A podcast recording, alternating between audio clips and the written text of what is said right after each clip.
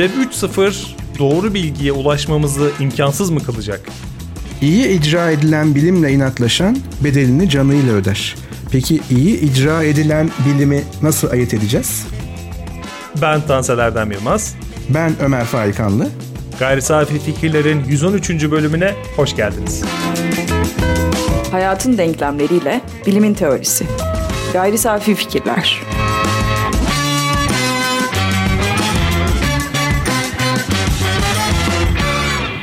Son zamanlarda gündemin farklı ağır topları var. Şimdilerde Meta, Metaverse, Web 3.0 gibi konuları tartışıyoruz. Esasen Web 3.0 dediğimiz şey bugünün konusu değil. Yani yaklaşık 2004'ten bu yana tartışılan bir konu Web 2.0'a geçildikten sonra. Ancak şimdilerde çok farklı boyutlarıyla burada neler olacağı konuşuluyor. Ee, birkaç ay boyunca konuşulacak ama sonrasında yine Nadas'a yatıracağımız bir kavram gibi. Çünkü konuşuyoruz, unutuyoruz, konuşuyoruz. Henüz bir atılım olmuyor, unutuyoruz gibi.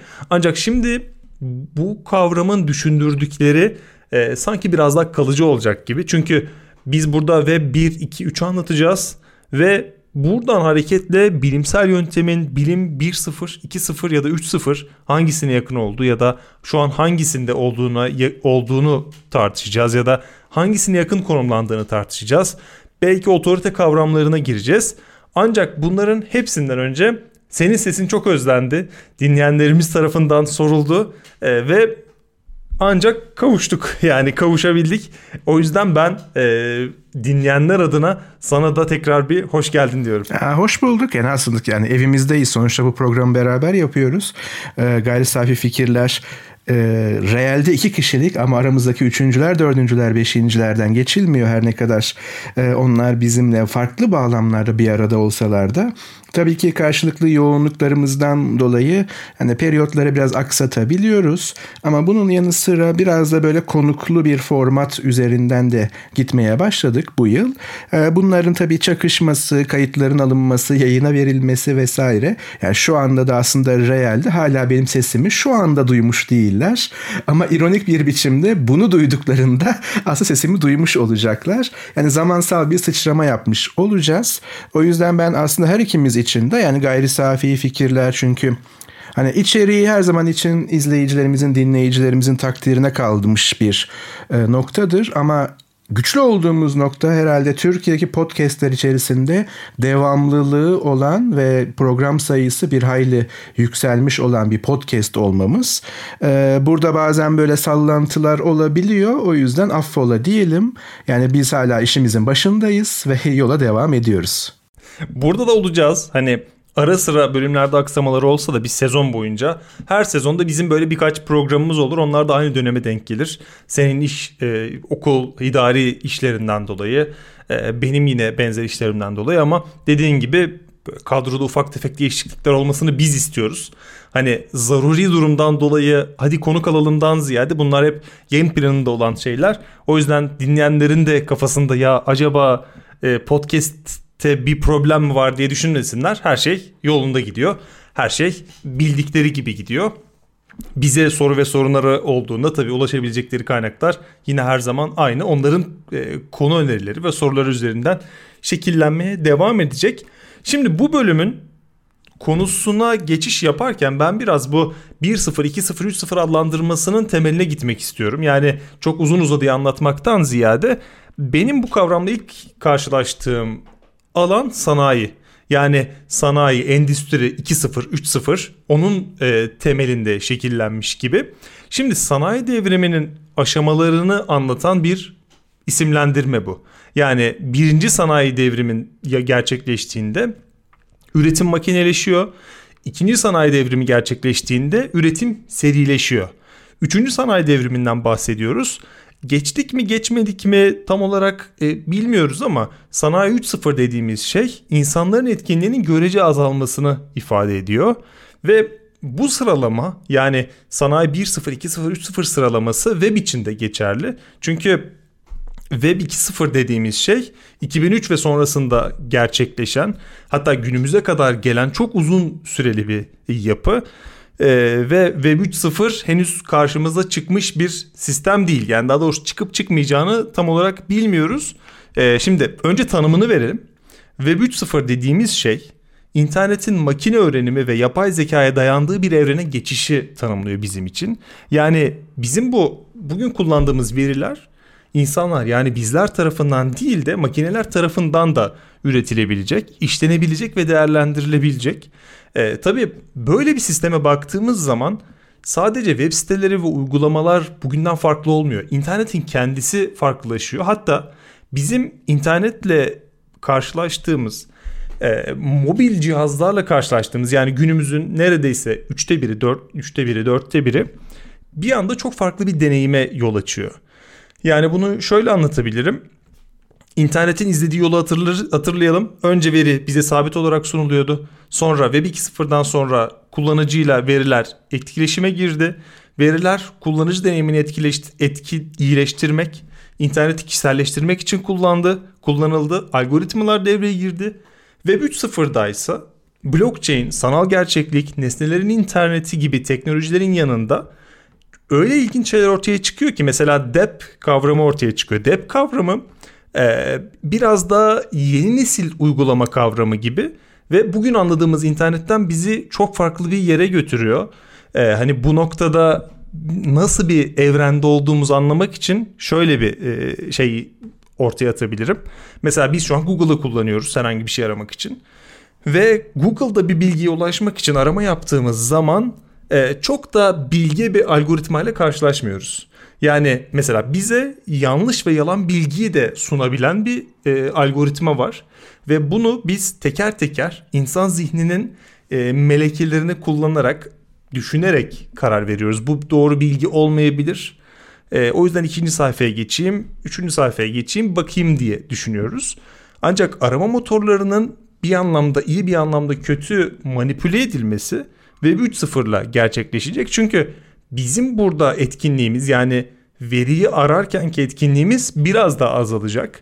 Ee, mesela bunun bir diğer örneği de müşteri hizmetleri. Mesela Google'da ya da e, herhangi bir arama yapmanın ötesinde bir şeyi satın aldıktan sonra ya da herhangi bir konuda bilgi almak için ulaştığımız bu bot denilen e, müşteri hizmetleri artık çok daha akıllı hale gelecek. O bir saniye bilgilerinizi kontrol ediyorum diyen müşteri hizmetleri yetkilisinden ziyade biz daha sorumuzu sorarken o sorunun e, kargonun nerede olduğu ya da daha detaylı soruları yanıtlayan bir sistem olacak ve e, deneyimimiz çok daha artmış olacak ama çok da manipülasyona açık hale geleceğiz.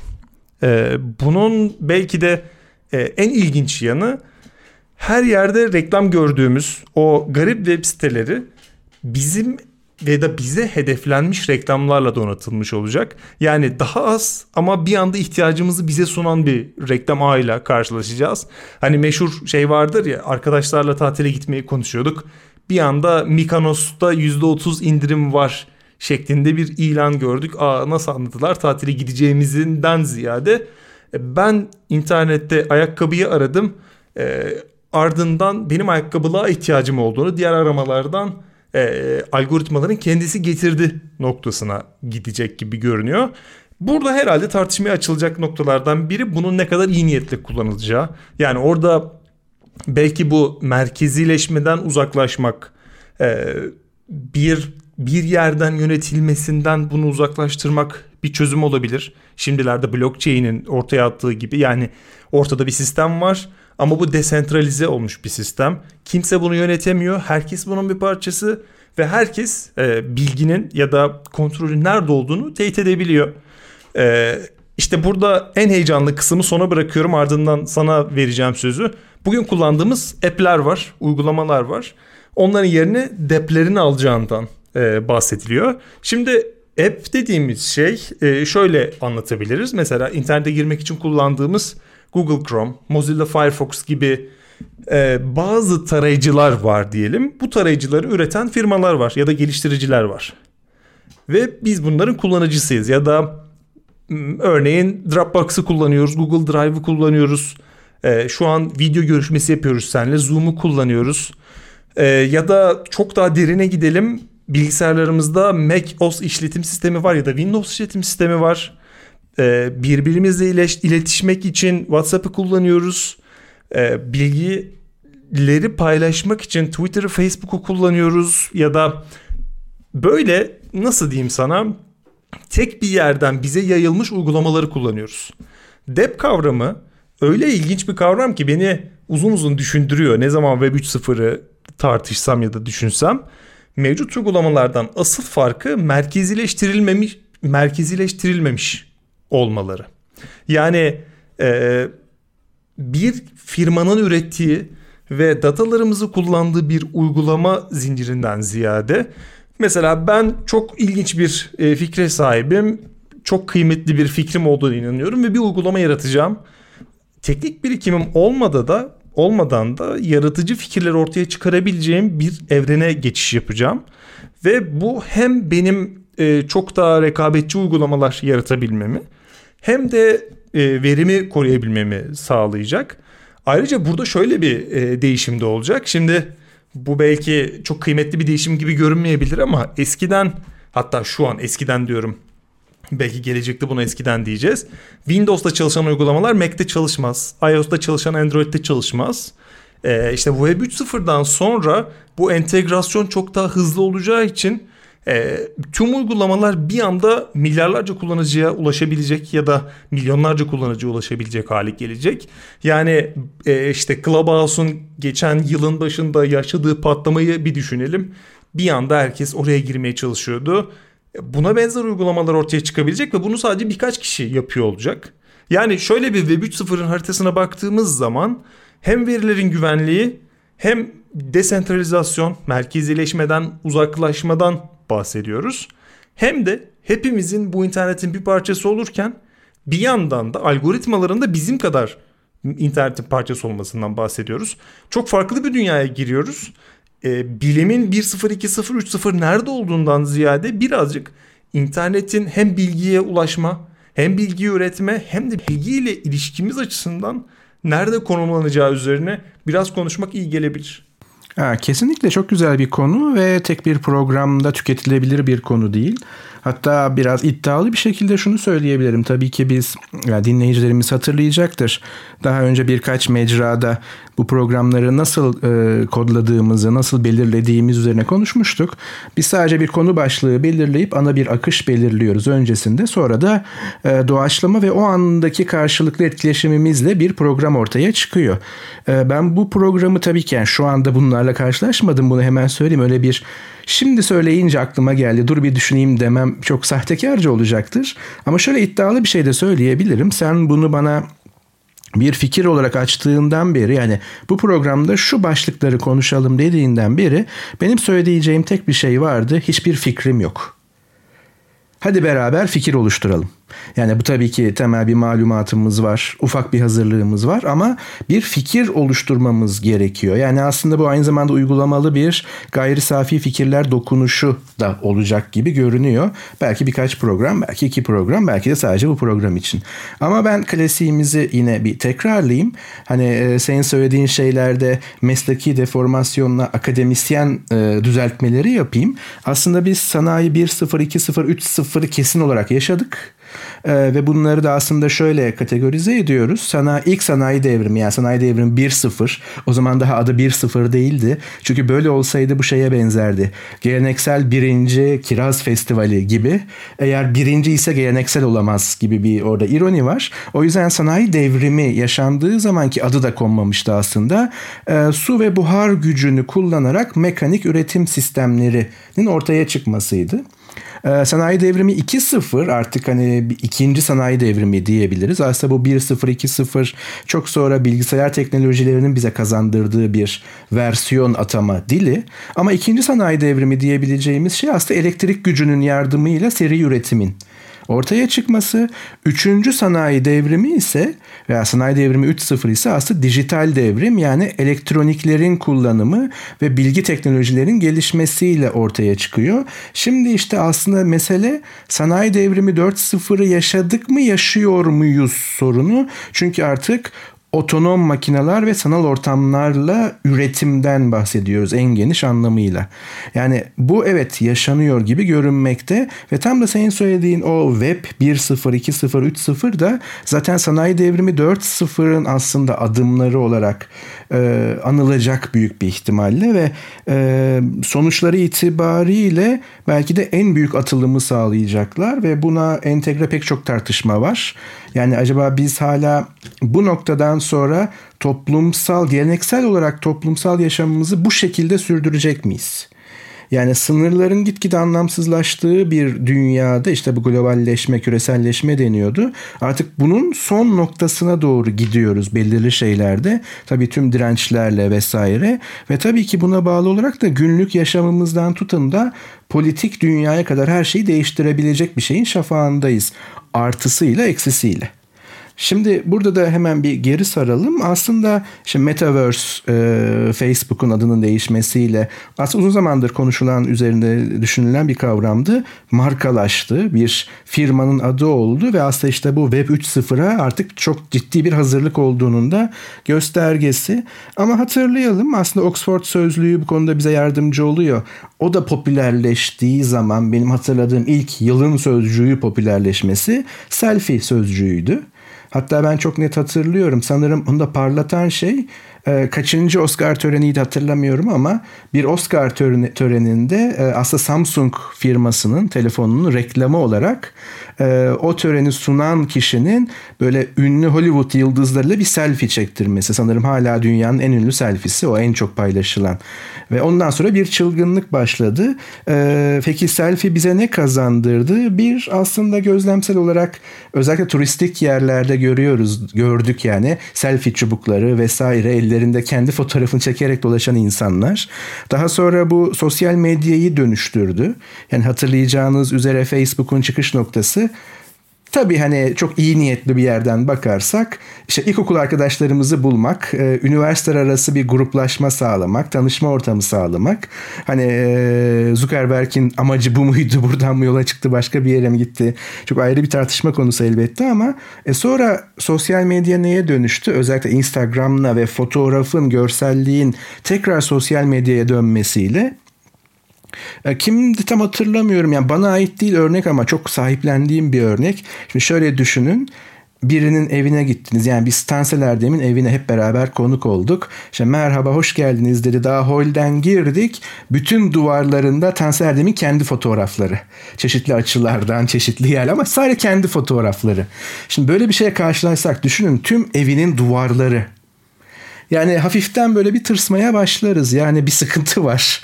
Hani ha, bu, bu hani narsistliğin son noktası falan gibi bir şey deriz veya tehlikeli gelebilir. E şimdi biz Instagram'da bunu yapmaya başladık. İşte yılın sözcüğü selfie bir şeylerin habercisiydi aslında. Hani böyle şey değil sakın yanlış anlaşılmasın. Yani gayri safi fikirler dokunuşuna aşina herkes bunu hatırlayacaktır. Komplo teorileriyle işimiz yok. Hatta çok mesafeliyiz. Bir şeylerin habercisi derken zaten her şey ayarlanmıştı, geliyordu anlamında değil. İşte dönüşümün şafağında olmak böyle bir şey. Selfie çok basit bir şeydi. Bir Oscar törenindeki bir fotoğraftı.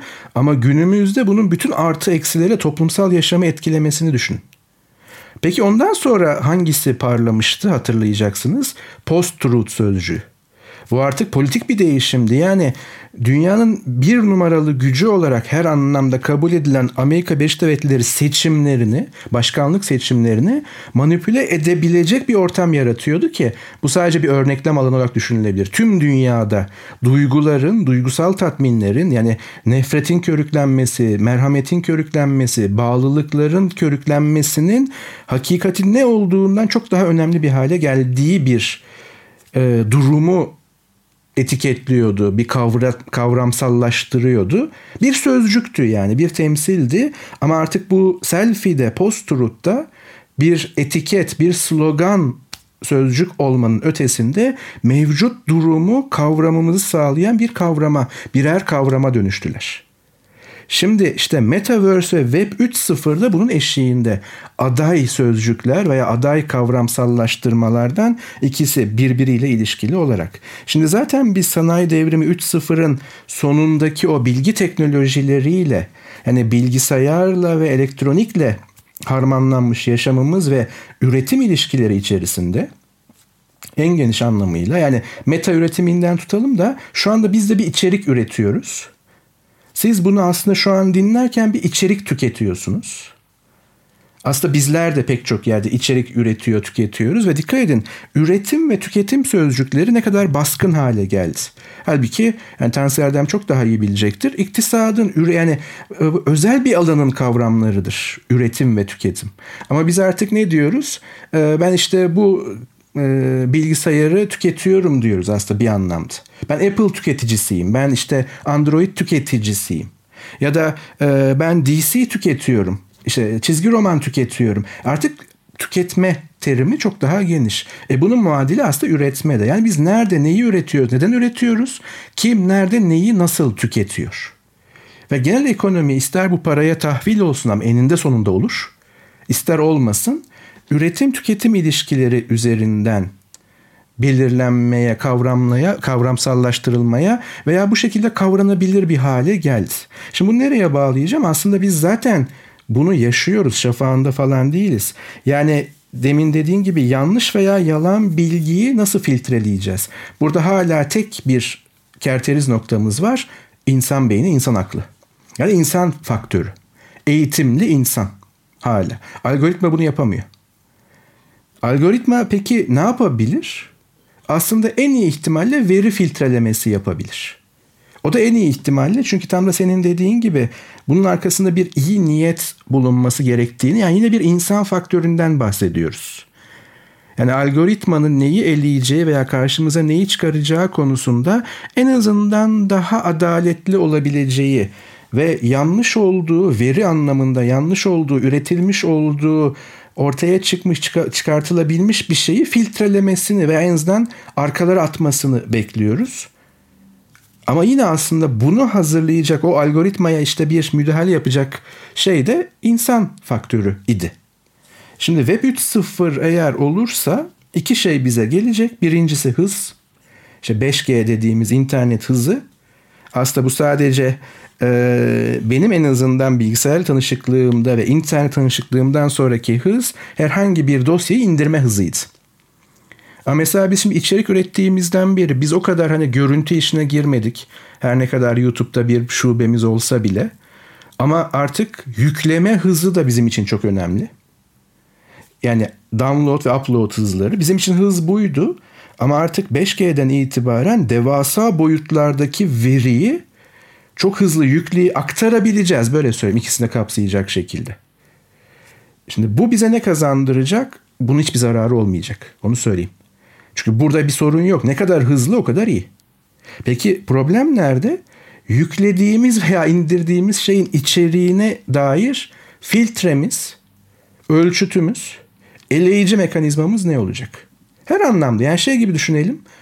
Yani şu anda Covid e, pandemisinden dolayı yani bunun da katalizör etkisiyle hızlandırdığı medya dönüşümü yaşıyoruz. Yani artık tüm dünyada ve tabii biz hani ülkemizi daha çok biliyoruz tabii ki Türkiye'de e, konvansiyonel medya eskisi kadar tüketilmiyor. Yani ulusal kanallar aslında eskisi kadar izlenmiyor hala önemli bir izleyici kitlesi olmakla beraber eskisi kadar değil. Günümüzde daha rafine tüketici, bu terimleri bilerek deminki gönderimle kullanıyorum. Rafine tüketici nereye yöneldi?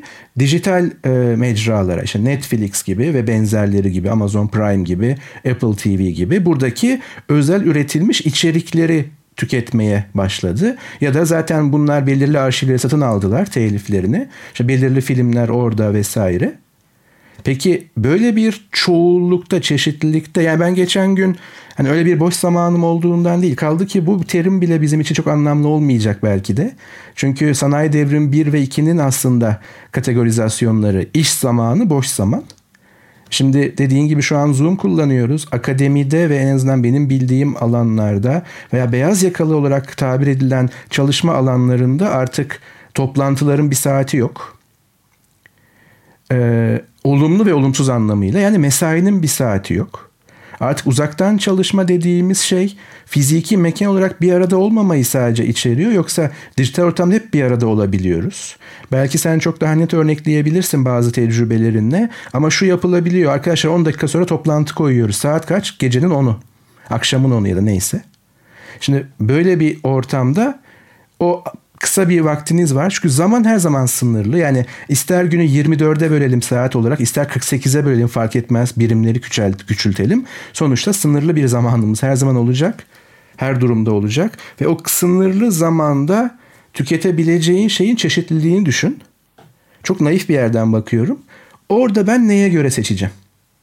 Yani bir film var çok herkes izlemiş veya bir dizi var iki e, bölüm arka arkaya izleyeyim diyeceğim. Bir saatim, iki saatim, üç saatimi oraya yatıracağım. Çünkü hala ölümlü varlıklarız. Zaman hala çok kıymetli.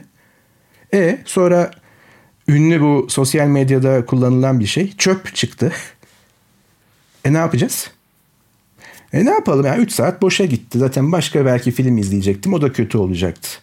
Ama ben bir de bilgi edinme uğraşındaysam yani bir şeyi araştırıyorsam, bir şeyi öğrenmeye çalışıyorsam kaybedeceğim şey ya 3 saatimizi kaybettik diyebilmem için o 3 saatin sonucunda edindiğim bilginin tam anlamıyla çöp olduğuna karar verebilmem lazım. E ya bu filtre bende yoksa? Çünkü böyle bir ortamda şuraya doğru gidiyoruz. Dediğin gibi merkezileştirmenin ortadan kalkması ve merkezsizleşme olumlu gibi görünüyor. Ama mesela diyeceğiz ki hafif hafif buraya geçmeye de başladık. Ya hani e, Hababam sınıfında çok önemli bir şey vardır. Okul dört duvar demek değildir. Okul her yerdir. Mahmut Hoca'nın o ünlü tiradı. E ama şimdi üniversite yavaş yavaş bırakın dört duvar olmayı işte bu tip platformlar üzerinden uzaktan eğitime doğru evrilmeye başladı. Artısı ve eksisiyle. Tamamen eksi değil, tamamen artı değil. E, bir adım sonra şunu sormayacak mıyız? Ya bütün dünyadaki bu üniversitelerde üretilmiş dersler, içerikler, makaleler, kitaplar, işin patent ve e, telif hakları bir kenara bırakmak kaydıyla, o da ayrı bir konuşma konusu olabilir, elimin altında. Patent ve telif haklarını da koysam bile param varsa yine elimin altında. Yani ben Cambridge'den dersler alabiliyorum. Oxford'daki seminerlere katılabiliyorum. MIT'deki çalıştaylara, e, workshoplara katılabiliyorum. E o zaman ben neden üniversiteye gideyim? Veya ben neden bir üniversite diplomasını klasik anlamıyla talep edeyim? Ben eğer böyle bir bilgiye ulaşım, veriye ulaşım konusunda bu kadar hızlanabiliyor ve bu kadar ulaşabiliyorsam her yere e o zaman ben biliyorum. Mu acaba? Tüm burada edindiğim bilgiyi kullanma, o bilgiyi filtreleme. Kriterim ve mekanizmam ne olacak? Bana bunu öğretebilecek, uzaktan öğretebilecek bir sistem var mı? Kaldı ki biz bunun iradenin büyük bir kısmını da senin dediğin gibi yeni uygulamalara doğru devredeceğiz gibi görünüyor. İşte Web 3.0'ın veya da gelecek olan Metaverse'ün veya işte Sanayi 4.0'ın uzantılarının bilgi anlamındaki ilk çıktısı bu olacak. Bilgiyle bilgi olmayanı ayırt etme noktasında veya bilgiyi sentezleme, bilgiyi kaliteli bir yaşam kurma üzerine kullanabilme yetisi bu sistemler üzerine aktarılabilir mi? Yani insan faktörünü minimize edecek ve bazı insanların yani bunların sahibi etkili olan işte Mark Zuckerberg gibi veya benzeri insanların iradelerine dışına onların niyetlerinden bağımsız olacak bir yere taşıyabilir miyiz? Yani bu bir ütopyaya mı gidiyor? Yine Ferhan Şensoy analım buradan ütopyalar güzeldir ama distopyaya mı gidiyor? Yani biz bütün ütopya ve distopyaları eş zamanlı olarak mı yaşamaya başlayacağız? Bir kısmımız ütopyasını yaşarken büyük bir kısmımız belki bir distopyanın içinde mi olacağız? Tüm komplolardan, komplo teorilerinden bağımsız olarak. Bu girizgah diyeyim hani e, daki anahtar kelime filtreleme ve filtre. Sansürleme anlamında değil, engelleme anlamında değil. Yani o ayıkla pirincin taşını dediğimizde o taşları dışarıda bırakıp veya da pirinci dışarıda bırakıp taşı atmamızı sağlayacak elek ne olacak? Soru bu. Filtreleme üzerine çok geniş bir alandan biraz daha dar bir alana gitmek istiyorum. Yani baktığım alan benim için hem endişe verici bir manzara sunuyor hem de bu manzaradaki bu boşluğun yani böyle sesimin yankılanıyor olması bana orada hiçbir şeyin olmaması acaba burada bir fırsat da olabilir mi diye düşündürüyor. Şimdi anlattıklarımı bir e, zemine oturtayım. Senin bahsettiğin gibi bilgiyi filtreleme. Yani iyi bilgi, kötü bilgi, faydalı bilgi, faydalı gibi görünen ancak bizi yaralayacak olan yani hem doğru bilgi anlamında hem de sağlık anlamında. Yani burada halk sağlığı özelinde de konuşabiliriz. Hatta özelinde konuşabileceğimiz onlarca ayrı başlık çıkarabiliriz. Ama bilgi filtrelemeyi bir şekilde öğreneceğimiz varsayımında bulunuluyor. Ya da filtrelenmişi tüketeceğimiz varsayımında bulunuyor ki bu da algoritmalar vasıtasıyla gerçekleşecek. Doğru bilgi bir şekilde algoritmalardan e, süzülecek ve biz onu e, tıpkı gidip kaliteli bir zeytinyağını alır gibi süzülmüş bilgiyi alacağız. Hem de ücretsiz alacağımızı düşünüyoruz. Bu ne kadar iyi bilmiyorum ve ne kadar mümkün onu da bilmiyorum. Geçen yıllarda benim çalıştığım e, TEİT'te bir e, kuluçka programı açılmıştı ve bu kuluçka, kuluçka programına bir girişim başvurmuştu. Girişim şu an devam ediyor mu etmiyor mu bilmediğim için ismini vermeyeceğim. E, bu girişimin şöyle bir amacı ya da iddiası vardı. Ayrımcı dil ya da yanlış bilgi her yerde ve biz bunun önüne geçebilmek için artık e, insani gücümüzü boşu boşuna kullanmayalım. Yani biz yanlış bilgiyi test etmek için harcayacağımız vakitlerde çok iyi şeyler yapabiliriz. Tırnak içerisinde ya da parantez içerisinde bence yapamayız. Ee, ama onların iddiasına göre burada çok iyi şeyler yapılacağı yönünde bir tezleri vardı. Buradaki amaçları şuydu. Metin madenciliğini ve makine öğrenmesini kullanarak medyada ayrımcı söylemi ve olası sahte haberleri tespit eden bir algoritma geliştirmişlerdi. E, medyada şu an e, ayrımcı söylemi ortaya çıkaran belli başlı kavramlar var. E, mesela barbar sözcüğünün ayrımcı bir dili beslediğini hepimiz biliyoruz. Ya da e, politik açıdan çok fazla garip eksenlere gidebilecek kavramlar var. Yani örneğin terörist dendiğinde bunun iyi bir şey olmadığını biliyoruz herhalde. Ama bunun e, bu kadar belli olmayan çok daha müphem sözcükler ve kavramlar da var.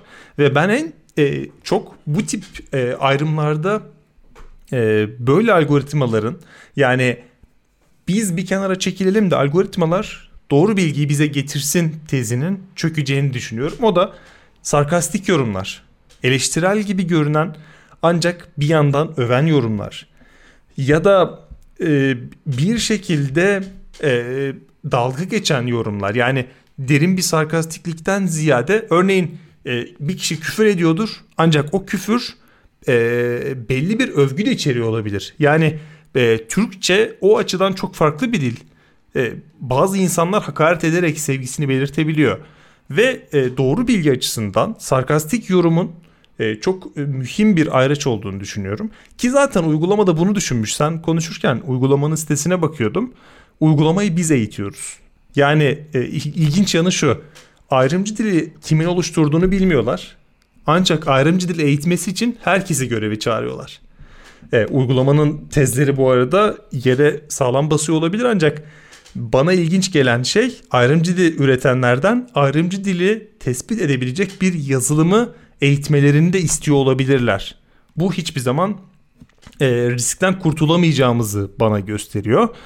E, bunun ikinci ayağı belki bilgiyi filtreleyebildiler ya da filtrelenmiş bilgiyi sunabilecek bir algoritma sundular.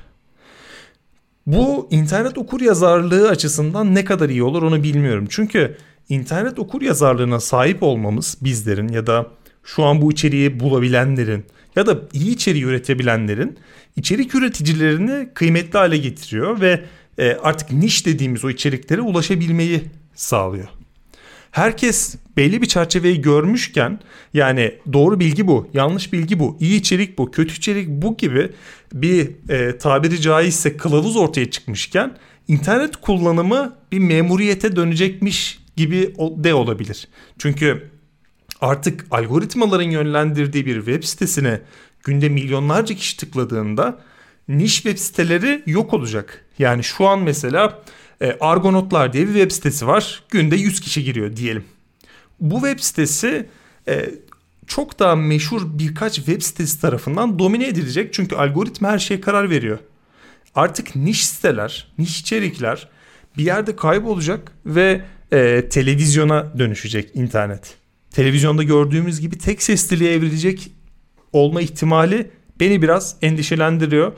Ee, bir de en son şuna değinebilirim anlattıklarından. Sen dedin ya film izliyoruz ama o filmin iyi olup olmadığını bilemiyoruz. 3 saat boşa gitti diyoruz. Burada ve özellikle internet e, ve içerik tüketimi konusunda zamanın değerini çoğumuzun yanlış değerlediğini düşünüyorum. Bu şey gibi ekonomi konuşurken sen euro ile mi kazanıyorsun demek gibi. Yani kur, asgari ücret, alım gücü, reel ekonomi bu konuda bilgi yok ama bir değerleme var. Mesela bir dakikalık kısmını izliyorsun filmin. Ee, o ilk dakikada seni yakalayan bir şey görmediğin zaman yani kafanda bir süzgeç var. Bu keyifle tüketilebilir mi süzgeci? O süzgeçten onun geçmediğini düşündüğün zaman hemen onu çöpe atıyorsun. Ya da çöpe atmadıysan da kaybettiğim zamanı geri ver diyorsun. Yani e, iyi içeriği sezmek sandığımız kadar kolay değil. Kötü içeriğin kötülüğünü anlayabilmek de sandığımız kadar kolay değil. O yüzden e, insanlar vakitlerini biraz e, garip değerlendiriyor. Yani zamanımız değerli. Bunda hiç şüphem yok ancak bazen o değeri yanlış ölçüyoruz gibi. Yani 3 saatlik bir film belki e, IMDb'de puanı düşük olduğu için bize vasatmış gibi geldi. Ancak hayatımızda bir şeyleri değiştirmiş de olabilir. Yani 2,5 saat TikTok kullanımını e, bir kenara bırakırsak o 3 saatte çok da bir şey kaybetmedik. Ama internet kullanıcılarının aşırı özgüveni, içerik karşısındaki bu e, hoyratça davranışları içerik üreticilerini de endişelendirdiği için mesela içeriğin ilk bir dakikasına çok çarpıcı şeyler koymaya çalışıyorlar. Ya da filmlerde de ilk birkaç dakikayı çok çarpıcı yapmaya çalışıyorlar.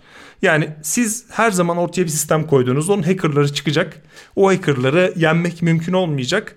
Belki bunları tartıştıktan sonra e, bu bilim 1.0, 2.0, 3.0 tartışmasını sonraki bölümde de girebiliriz. Çünkü e, bu tartışma daha çok e, su kaldırır gibi gösteriyor bana.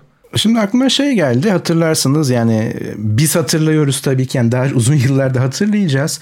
Hani bunun çok ciddi mağdurları var. Bu asla bir espri konusu olamaz ama durum trajikomik. Ee, bu çiftlik bank hadisesinde bir röportaj hep kulağımda çınlıyor. Yani bunu bütün medya kullandı işte sosyal medyada şey yaptı. Neden para yatı yani hiçbir güvenilir bir şey yok yani bu adamın sadece bir suratına bakın duruşuna bakın. Ya nasıl güvenip de bu kadar paranızı yatırdınız? E on binlerce insan yatırmıştı. Hepsi de aptal olamaz diye düşündük. Ama sonuç onun dediği gibi çıktı. Hani on binlerce insan tırnak içerisinde aptallık etmiş oldu. Biz sonucu bildiğimiz için onların umu, hani motivasyonlarını tartışamayız, yargılayamayız. Alay da edemeyiz o kesin. Ama kriter buydu. On binlerce insan aptal olamaz. Şimdi bu neden aklıma geldi? Çünkü e, IMDb'nin yani Internet Movie Database'deki puanlamaya bakın. Sanırım e, Shawshank hala bir numarada. İşte 9 nokta bilmem ne işte Godfather yani bunlar sinema tarihine geçmiş filmlerdir. Hani hakikaten sinema zevki beğenisi yüksek olanlarında yani bu listeye çok fazla itirazı yoktur ama Orada hani sıralamalar değişen. Yani 2 değil de 3 olma. Neye göre 2 neye göre 3 o da ayrı bir konu. Hani şey vardır ya en sevdiğin 3 film ya neye göre hani 3 tane ki en sevdiğin 3 kitap gibi. Hani tuhafsın tabii ki sıralama bir her zaman tuhaftır. Ama şöyle söyleyeceğim şimdi e, IMDb'de herkes oy kullanabiliyor. Yani Oradaki oylar tabii ki belli istatistiki olarak belli bir ortalamanın yani belli bir sayının üzerine çıktığı zaman sonuçta sinema ile ilişkili olanların oylaması olarak kabul ettiğimiz için iyi niyet varsayımımız yani en azından kötü niyetin olmadığı varsayım olduğu için anlamlı sonuçlar vermeye başlıyor belirli bir oy sayısından sonra veya şey yıldız sayısından sonra. Ama hani hep küçükken annemiz bize derdi ya herkes camdan aşağı atlasa sen de mi atlayacaksın? Yani Oradaki o yasa hiçbir şey ifade etmiyor. Bakın sinemadan, filmden bahsediyorum. Yani çok öznel, beğenilere ve zevklere hitap eden bir sanat dalı. Yani orada dünyayı kurtaran adam en kötü filmler sıralamasında. Ama bir şey diyebilir ya bu kült filmdir ben de seviyorum ya eğleniyorum o filmi her izlediğimde diyebilir. Şimdi ne diyeceksin ona? Ya zevkin berbat falan mı? Yani o çünkü bir bağlamda beğeniyor. Yani oradaki çok oy almış ve yıldızı yüksekle çok oy almış ve yıldızı düşük arasında aslında filtreleme yok. Ancak fikir verir sana. Peki biz bunu şimdi bilgiye taşırsak? Yani çok insan rağbet etmiş o zaman mı diyeceğiz? Yok bilgiye tam tersi değil mi? Hani Galileo kompleksinden daha önce konuşmuştuk. Bahsetmiştik veya Galileo sendromundan. Yani genel kabule aykırı bir şey söyleniyorsa bu kesin doğrudur. Hayır değildir.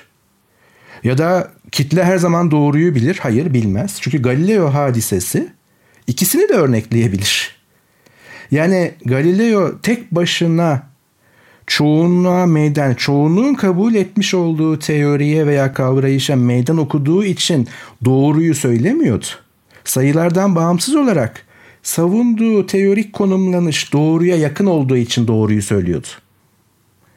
Başka durumlarda da çoğunluk bir şey söylüyor veya kabul ediyor diye bu by default tanım gereği yanlış değildir. Çünkü doğru ve yanlış sayılarla ilgili değildir. Hani IMDb'deki puanlarla ilgili olmaması gibi bir filmin nihayetinde senin zevkine hitap edip etmemesi, senin beğenip beğenmemen noktasında. Ama o zaman biz şey filtreyi nereden koyacağız? Biz de hala doğru ve yanlış terimleri epistemolojik anlamda aktif bunlar miadını doldurmuş ayrımlar veya da e, kategorizasyonlar değil. Ama şu var senin e, kullandığın. Faydalı bilgi, faydasız bilgi. Kime göre, neye göre? Yani benim için çok faydasız bulduğum bir bilgi birinin hayatını kurtarabilir. Ya da daha e, sosyoekonomik veya da politik ekonomik bir yerden bakalım. İşte bu sınıfın faydasına bilgi, o bir sınıfın fay bence çok da makul bir ayrım değil. Bilginin nasıl kullanıldığı ayrı bir kategorik tartışma alanıdır. Bilginin nasıl kullanıldığı. Hangi bilginin kimden neden saklandığı, nasıl saklandığı, hangi mekanizmalarla saklandığı. Bilginin ne kadarının hangi mekanizmalarla, hangi aygıtlarla paylaşıldığı, nasıl üretildiği bunlar çok derin meşru tartışma konuları. Ama bu doğru ve yanlışı belirlemez. Doğru ve yanlış kavrayışını belirler olsa olsa. İkincisi iyi bilgi, kötü bilgi. Yani iyi ve kötü normlardır, normatiftir. Neye göre iyi, neye göre kötü. Buradaki esas kategorizasyon belki bizim birkaç program yani çok oldu belki üzerinden geçti ama enformasyon yani malumat, veri, malumat, bilgi ayrımında gizli. Bilgi aslında daha başka bir yerde. Yani ben hep kendi alanından örnek veririm işte. Ee, Galileo'nun yargılanması, Engizisyon yargı 1614-15. E tamam kronolojiyi biliyorsun. E bu bilgi mi mesela? Ya da işte e, 1687 Principia. Isaac Newton'un baş yapıtının yayınlandığı tarih.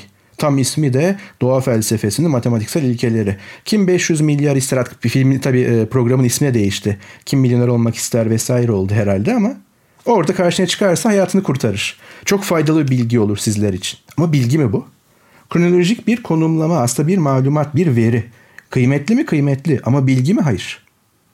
Bilgi Burada neden sonuç ilişkileri kurmaya başladığın zaman, soru sorup cevaplayabildiğin zaman, hangi tarihte sorusu değil, ne oldu da bu dönemde bilimsel devrim bu coğrafyada gerçekleşti? Gerçekleşmiş olduğu coğrafyada.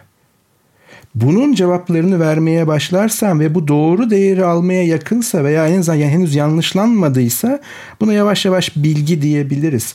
Yani e, Platon'dan beri gelen belki öncesinden gelen doğruluğu gerekçelendirilebilir inanç veya doğruluğu gerekçelendirilebilir sanı veya kanı tanımı hala geçerli. Getir'a rağmen bizi dinleyen epistemologlar, felsefeciler hemen böyle bir irkilebilir. Getir'a rağmen hala geçerli. Çünkü o gerekçelendirme hala üzerinde uğraştığımız şey. İşte doğrulama mı, yanlışlama mı, hangi teknikler? Ha bilimin buna katkısı ne? Veya bilimsel olanın bu gerekçelendirmeyi standartize edilebilir, herkese açık bir hale getiriyor. Yani şu standartları karşılarsa ben bu gerekçeyi kabul ederim diyebilmemizi sağlıyor ve bu standartlar duruma bağlama göre değiştirmiyoruz. Değiştirmemeye çalışıyoruz. Bazı nüansları dışarıda bırakırsak. Ama böyle bir bombardıman halinde verinin bilgiye, bilginin enformasyona, enformasyonun yanlışlara karıştığı bir ortamda ve bu bombardıman artarsa tam da senin dediğin gibi merkezileştirilmiş algoritmalar tarafından bilinçli veya bilinçsiz olarak pompalanırsa bir örnek vereceğim vurucu olsun diye ama bilimi bir sonraki programda konuşalım. İsim vermeye gerek yok. Ama Twitter'da olumlu olumsuz tepkiler yüzünden, retweetler yüzünden yakın geçmişte popüler olmuş bir paylaşım vardı. O paylaşımda bir e, ünlü diyelim, ünlü birinin paylaşımıydı. Ve aşıların yani bırakın Covid aşısını falan hani pandemide kullanılan aşılar değil. Yani standart sıradan bir aşının içinde domuz dokuları, at kanı, tavşan beyni, civciv embriyosu, doğmamış sığır serumu, insan fetüsü, yıkanmış koyun kanı gibi içerikler olduğunu iddia etti. Tweet'in sahibi. Ve kanıtlana, kanıtlama yükümlülüğünü de yani bu doğru mu yanlış mı? Çok basit bir soru aslında. Aşının herhangi bir standart aşının içinde bunlar vardır. Yani biyolojik veya kimyasal bir analizin konusu sadece. Başka hiçbir şey değil. Çok basit. Ya doğru ya yanlış. Ya da şu olur hani şunlar var da bunlar yok diyebileceğin kadar bilimin net bir cevap verebileceği soru bir bilim insanının. Ama kanıtlama yükümlülüğünü kime bıraktı bu hanımefendi? Bunun tam anlamıyla yanlış, deli saçması bir şey olduğunu söyleyenlere ve hatta şüphe edenlere. Hani bırak işin farmakoloji, kimya, biyoloji kısmını farkında olup da deli saçması bu diyenleri. Ya acaba mı X hanım diyene bile araştırın bir zahmet dedi. Ya da siz bunu hangi hakla doğru bir bilgi olarak ben doğru bilgi olarak paylaşmıyorum. Bir yerde rastladım siz araştırın. Bakın bu kadar basit. Peki bunun önüne düştüğü, algoritmanın önüne düşürdüğü veya o hanımefendinin takipçileri bunu gördüğü zaman kaçı bunu sorgusuz sualsiz hiçbir filtreden geçirmeden kabul etti. Aa aşılarda bunlar varmış. O zaman biz aşı olmayalım. Bırakın pandemi gibi olağanüstü koşullardaki toplum sağlığı meselesini ve onun pek çok katmanını. Yani eğer bu bilgi doğru olsa çocuğunuzu aşılatır mısınız? Bu bilgi doğru olsa koşulunu başa koyuyorum. Peki bu neye mal olur yaşam içerisinde? Doğru ve yanlış bilgi arasındaki kategorizasyon farkı hala yaşamsaldır. Birileri ölür. Yani e, bu ne yazık ki artık böyle bir ummadığımız bir çağı geri getirdi. Hani açtığımızı çoktan geride bıraktığımızı düşündüğümüz bir çağı. Ya belki sosyal medyayı ve teknoloji haberciliğini hani dedik ki habercilik bilginin yayılımı hızlanması. Belki Türkiye'de bunların öncülerinden biriydi Berkin Bozdoğan. Pek çok e, basılı derginin editörüydü teknoloji üzerine. Sonra bu iş dijitale gittiği zaman pek çok kanalın editörlüğünü yaptı. Bizzat ekran yüzü oldu. Onu da yakın zamanda kaybettik. Onun bir tweet'i vardır. Ben böyle masa üstümde tutuyorum bilgisayarımın. Ara ara açıp bakıyorum. O şunu söylemişti. Hep diyorum tekrar diyeceğim. İyi icra edilen bilimle inatlaşan bedelini canıyla öder. İyi icra edilen bilimle inatlaşan bedelini canıyla öder. Bunu böyle yazın bir yere asın. Çok doğru bir tespit. Ama Berkin'in ruhu şad olsun bu haliyle tabii ki slogan. Neden? Çünkü gayri safi fikirler dokunuşu dediğimiz esas işte şey şu. İyi icra edilen bilimle iyi icra edilmeyen bilimi hangi kritere göre ayırt edeceğiz? Bilim felsefesine hoş geldiniz. Auguste Comte'tan beri problem bu. Hani bu hepsi çok saygındır. Elbette ki problemleri felsefe dünyası içerisinde üzerine durulmaya değerdir. Ama kelime oyunları yapan analitik ki ben de kendim analitiğe yakın hissederim analitik felsefeye. Analitik felsefeciler gibi.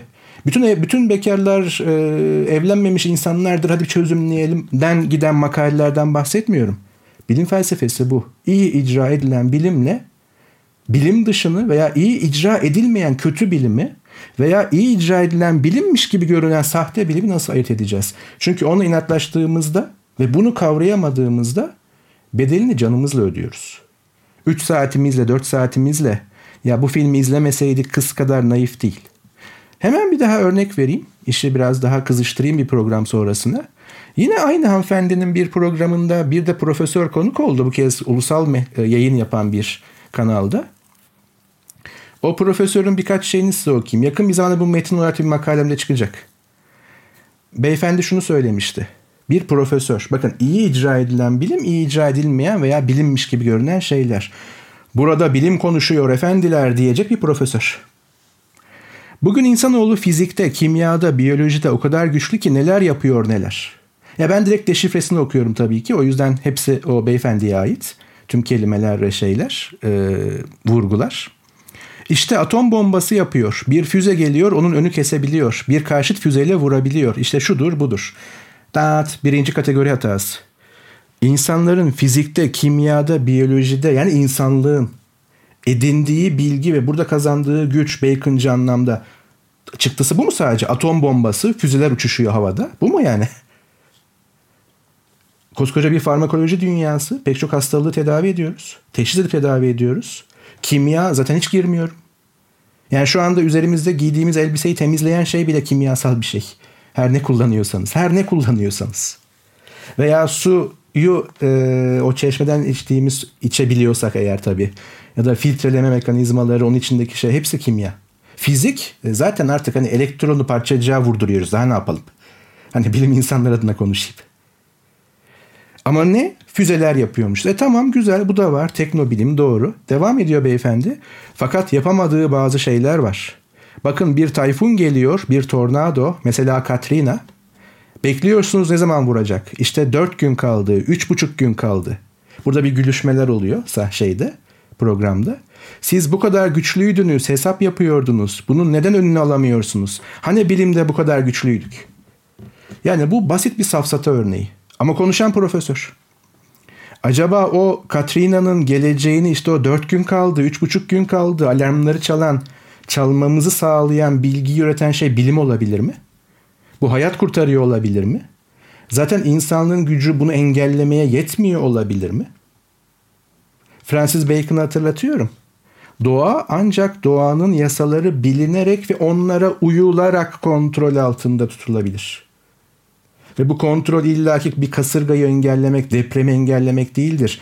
Depremin nerede nasıl olacağını aşağı yukarı öngörüp ona göre bina yapabilmektir. Kasırganın geldiğini görüp ona göre şehirlerini dizayn edebilmektir.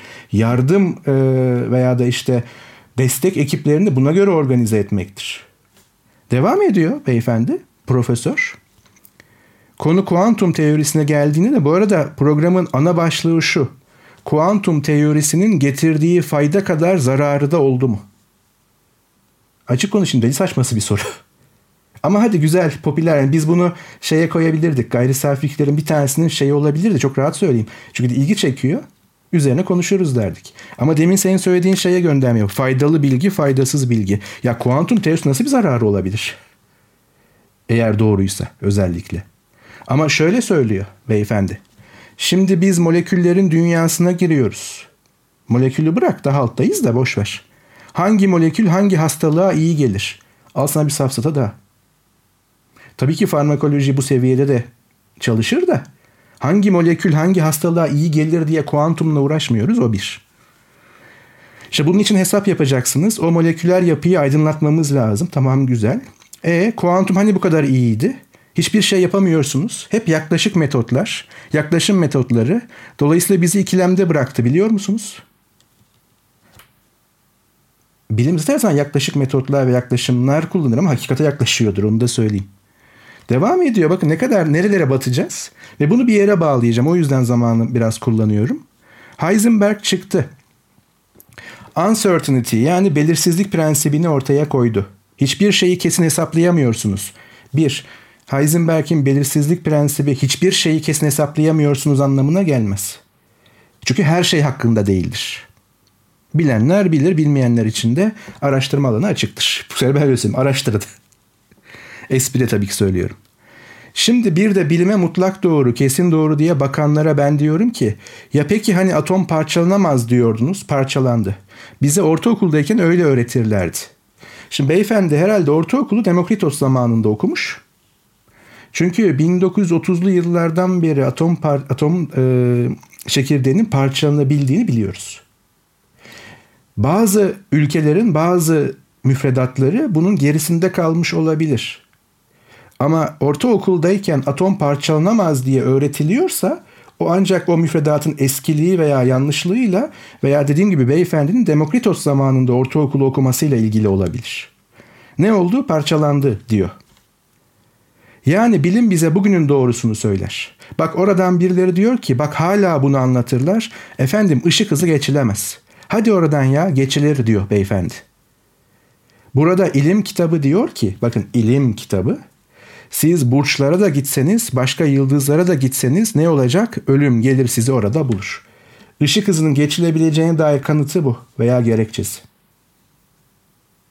Şimdi bunu şundan söyledim. Bak bu konvansiyonel medyada bir televizyon programı.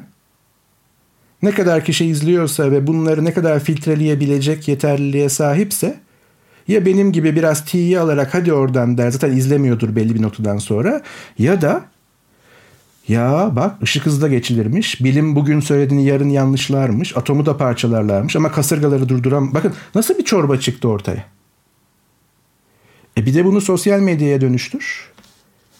Yani artık çok küçük yaşta çocukların bile içerisinde yer aldığı, oradan öğrenim gördüğü bir anlamda, formel olması şart değil, bir dünyada filtreleme mekanizması olmazsa bunlarla karşılaşabilecek insan sayısını düşünelim. Ve popülizmin bu kadar yükseldiği bir dünyada yani IMDB'de çok oy aldıysa iyidir kafasının politik anlamda hakim olduğu bir dünyada neler olabileceğini düşünelim. Ya diğer tüm boyutlarla beraber. O yüzden iyi icra edilen bilimle inatlaşan bedelini canıyla öder ama iyi icra edilen bilimle onun gibi görüneni ayırt etmek hala bir insan faktörünü içeren bir filtreleme gerektiriyor. İşte gayri safi fikirler onun parçacık boyutundaki bir küçük unsuru olmaya çalışıyor. Biz de bu alanda bir çeşitlenme yaratıyoruz. Yani bizim de sesimiz olsun istiyoruz. Diğer tüm seslerle beraber. O yüzden çeşitlenme çok iyi. Ama filtreleme, seleksiyon olmadığı sürece sonumuz çok da iyi olmayabilir. O yüzden Web 3.0'a hazır mıyız? Yani tabii ki hazırız. Biraz kaba bir tabirle seve seve hazırız. Çünkü geliyor. Ama bunun sosyal ve epistemolojik çıktılarını düşünmenin, ona göre önlem almanın vakti geçiyor. Podcast'in yapımcılarından biri olmasam şu an alkışlayacaktım. Çünkü gayri safi fikirlerin o parçanın e, kendi içerisinde bir e, daha doğrusu o düzenin bir parçası olduğunu söylemen e, orada e, yaptığımız tartışmaları da çok farklı bir boyuta getiriyor. Şimdi senin bu bahsettiğin kişilere bir örnek vererek kapatacağım. Benim bahsedeceğim kişi tam sen anlatırken benim aklıma geldi. Bir profesör İstanbul'da çok meşhur bir üniversitede profesörlük yapıyor. Hatta şöyle bir şeyi var. 150'nin üzerinde araştırma makalesi, 50 50'den fazla kitap ve kitap bölümünü yazmış. Web of Science kapsamında 50'ye aşkın makalesi var ve hakemli dergilerde 150 araştırma makalesi var. Böyle bir kişiden bahsettiğimiz zaman çoğu insan eleştirel düşünceyi kavramış, bilimsel düşünceyi çok daha iyi kavramış olduğunu söylüyor. O dediğin iyi bilim ya da iyi gibi görünen zararlı bilimi yaratabilecek e, ölçekte iyi bilim yapacakmış gibi görünüyor. Bu kişi Twitter'da şöyle bir fotoğraf paylaşmıştı. Kuzey kutbunda yılda bir defa olan ay hareketi yorum sizde. Bu paylaştığı şey bir kurgusal görüntüydü. Bunu anlamak için internete daha dün girmiş olmak, eve yeni internet bağlatmış olmak yeterliydi. Ama gelen eleştirilerden sonra şöyle bir tweet attı. Tereddütte olanlar için orijinali burada dedi ve bir YouTube videosunu paylaştı. Ana ama YouTube videosunun başlığı şuydu. Gigantic Moon Animation. Yani videonun kendisi animasyonu anlatıyordu.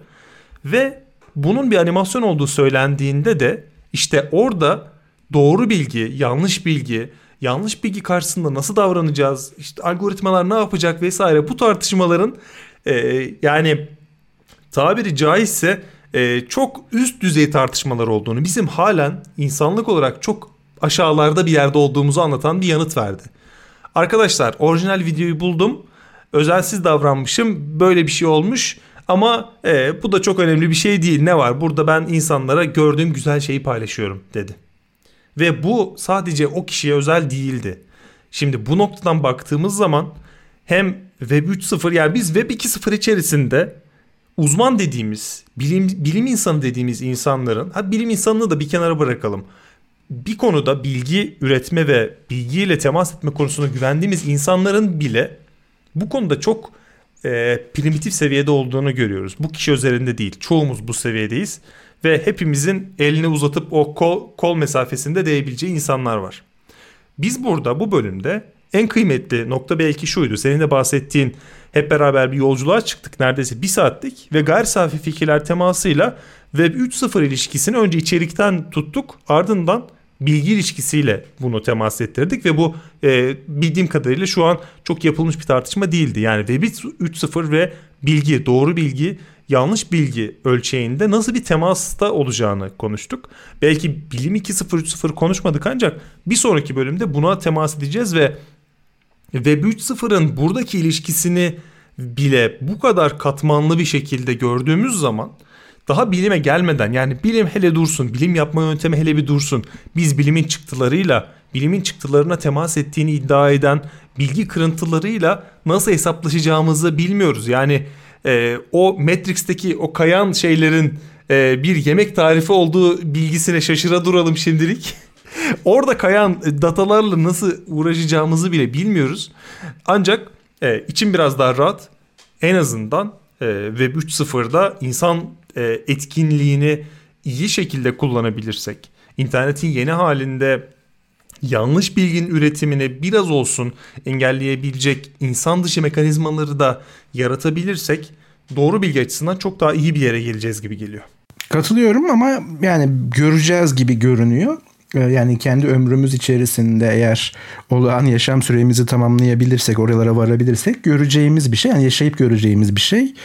Ama hazırlıklı olmak adına yaşarken şafağında düşünmeye başlamak hepimiz için iyi olabilir. Ama dediğin şey tek bir şey ekleyeceğim. Artık bir saati devirdik. Ama bu hani arada benim sesimi duymayanlara bir e, ekstra doping olsun. Biraz benden sıkılsınlar ki ben biraz daha vakit kazanayım bu, tip durumlarda. E, tam dediğin gibi işte o 5G ve büyük oranda bilgi, malumatı veya da veriyi çok hızlı aktarabilmek artık görüntü aktarımlarını içerecek. Yani bizim klasik evrimleşirken kendimize rehber edindiğimiz kriter gözümle görmeden inanmam mottosuydu. Şimdi artık gözümüzle görebileceğimiz fake hazırlıklar, görüntüler, devasa görüntülerden bahsediyorum. Öyle sadece daha önce yapıldığı gibi işte Amerikan başkanını orada simüle edip onun dudaklarına tam da söyleyeceği şeyleri oturtarak bir konuşma yaptırmak naifliğinde kalmayacak devasa görüntülerden bahsediyorum. Yani gözümle görmeden gözümle gördüm işte diyecek herkes. Yani bu çok ciddi bir tehlike olarak geliyor. Ama bunu engelleme yolu sansür pardon sansürleme vesaire değil. Buna hazırlıklı bir zihin yapısını kodlayabilme, hazırlayabilme. Çünkü e, sosyal evrimimizde hatta belki fizyolojik evrimimizdeki bizi hayatta tutan ve buraya getiren şeyler yavaş yavaş işlevsiz kalmaya başlayacak gibi görünüyor. Bu da biraz distopik öngörü olsun. Bir sonraki programa bırakalım artık bunları da. Katılıyorum. Bir sonraki programda konuşacak çok şeyimiz var ve bu tartışmalar sürdükçe sadece bilim, bilgi özelinde değil hem içerik hem de içeriklerin bu anlattığımız o üçlüyle bilgi, bilim ve doğru bilgi, yanlış bilgi üçlüsü, dörtlüsü, beşlisi o ağ genişliyor ve 3.0'la da daha da genişleyecek. Bunlarla olan temasını tartışacağız. Bu bölümü burada noktalayalım. Biz her bölümün başında dinleyiciyi düşünerek belli bir süre belirliyoruz. Ancak bu bölümde sohbet bizi öyle yerlere götürdü ki hiç e, herhangi bir e, kaygıya bile e, gitmeden bu bölüm bir saati geçti. Ama iyi ki de geçti diyoruz. Bir sonraki bölümde tekrar görüşmek üzere. Belki Bilim 2.0'ı, Bilim 3.0'ı konuşacağız. Sana son bir kez söz veriyorum. Ben kendi açımdan veda ediyorum. Haftaya ya daha doğrusu bir sonraki bölümde görüşmek üzere. Ben de hemen son söyleyeceğimi söyleyeyim. Görüşmek üzere diyeyim ama hatırlatmamı da yapayım. Ee, bizim hakkımızda lütfen olumlu olumsuz yani eleştiri yapıcı olmak kaydıyla size belirttiğimiz mecralarda bize ulaşın, destekleyin, mail atın, tweet atın, ekşi sözlükte yorumlayın. Yani biz bunları takip ediyoruz. Bu her anlamda bizi şevke getiriyor veya da oradan bazı düzeltmeler yapıyoruz. Hiç unutmuyorum bir e, yorumcumuz, bir dinleyicimiz sanırım ekşi sözlükteydi. Ya son programda biraz ığlar çoğaldı. Sizin en önemli özelliğiniz ığsız konuşmak falan gibi bir şey yapmıştı, yorum yapmıştı. O bile bizi böyle bir kendimize getirdi. Çok yorgun olsak bile daha dikkat ediyoruz. Ve mümkün o kadar aslında bizim programlarımız editli değildir. çekildiği, kaydedildiği gibi yayına verilir. Ufak tefek ses düzeltmeleri haricinde. Ama hani buraya kadar biz önemsiyoruz. Hani bizim pek yalnız olmadığımızı dinleme sayılarından tabii ki takip ediyoruz, görüyoruz ama o mecralarda da bize orada olduğunuzu hissettirin lütfen. Bir sonraki programda görüşmek üzere.